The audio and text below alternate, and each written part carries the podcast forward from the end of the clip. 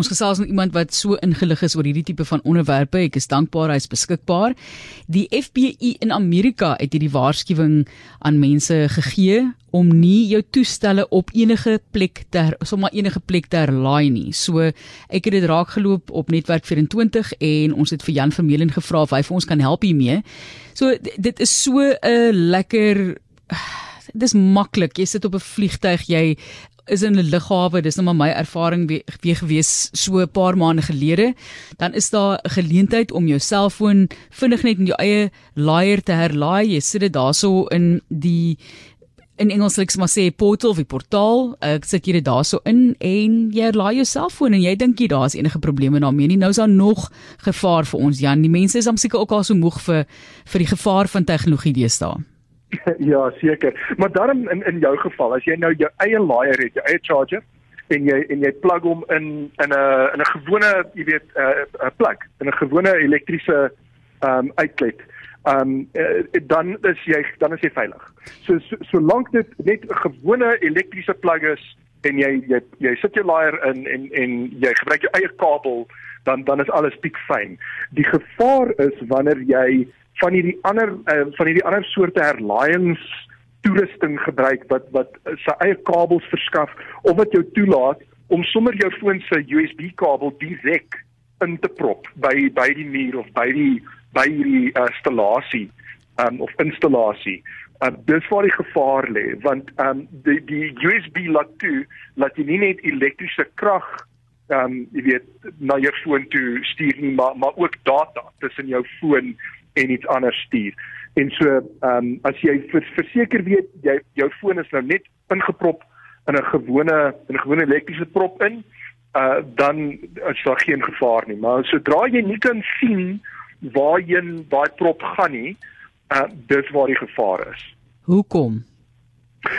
So dit is uh, omdat dit uh, hulle kan dalk wegsteek dat jou foon nie net in gewone elektrisiteit ingeprop word nie, maar in 'n rekenaar in en daai rekenaar kan allerlei uh fisiese sagteware op hê um wat dalk na jou foon oorgedra toe kan word oor hierdie USB kabel. En um en uh, dis waarteen die FBI waarsku is uh as in in daardie gevalle waar jou foon dalk nie in net 'n elektriese bron ingeprop word nie, maar eintlik uh geinsinnig in 'n rekenaar. Dis waar die gevaar lê. So solank as wat jy kan sien my foon word hier in 'n in 'n kragprop ingeprop, geen probleem. Maar sodra jy nie weet waar daai USB kabel heen gaan nie of as dit nie jou eie USB kabel is nie. Dis natuurlik die die ander ding as jy nou baie van hierdie baie van hierdie um, installasies hulle hulle verskaf hulle eie USB kabels nou vir jou om te gebruik.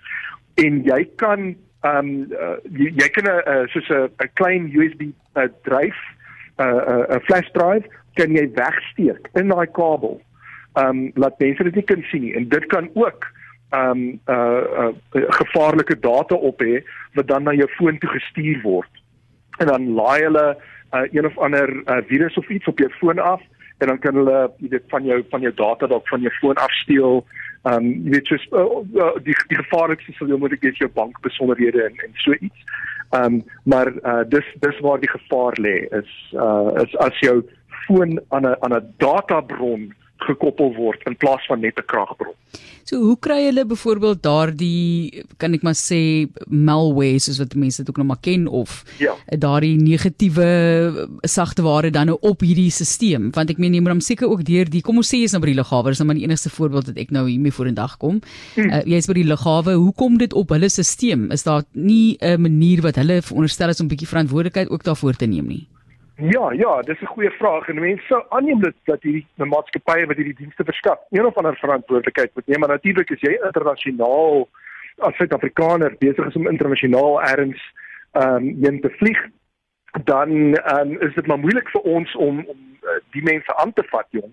So uh eh, 'n mens moet maar jouself oppas want die regie, die Amerikaanse regering gaan dit dalk nie doen. Ehm um, en maar ja, ehm um, uh daar is definitief vrae te vra oor uh, moet hierdie mense nie verantwoordelikheid vat vir as daar nou 'n kuberkraker ehm um, uh, jy weet van hierdie virusse of of ander negatiewe sagteware in hulle stelsels inlaai nie. Ehm um, so ja, mense verwag dat hulle ehm um, een of ander verantwoordelikheid daarvoor neem, maar dit uh op hierdie stadium sal ek nie daarop bank nie. Ehm um, en ongelukkig uh is, is kan kan dit partymal maar die wilde weste wees en uh, dan moet jy maar na jouself omsien. Ehm um, en so en dan natuurlik dit is net een deel van die probleem. Die ander deel kan wees dat uh hierdie maatskappye presies die stelsels ontwikkel om privaat inligting van jou foon af te kry vir hulle om geld te maak daaruit. En die doel is natuurlik nie om jou data te lek nie. Uh die die die doel is om jy weet jou data in te samel en dit te gebruik in een of ander manier om jy weet jy moet ek advertensies te verkoop of so iets.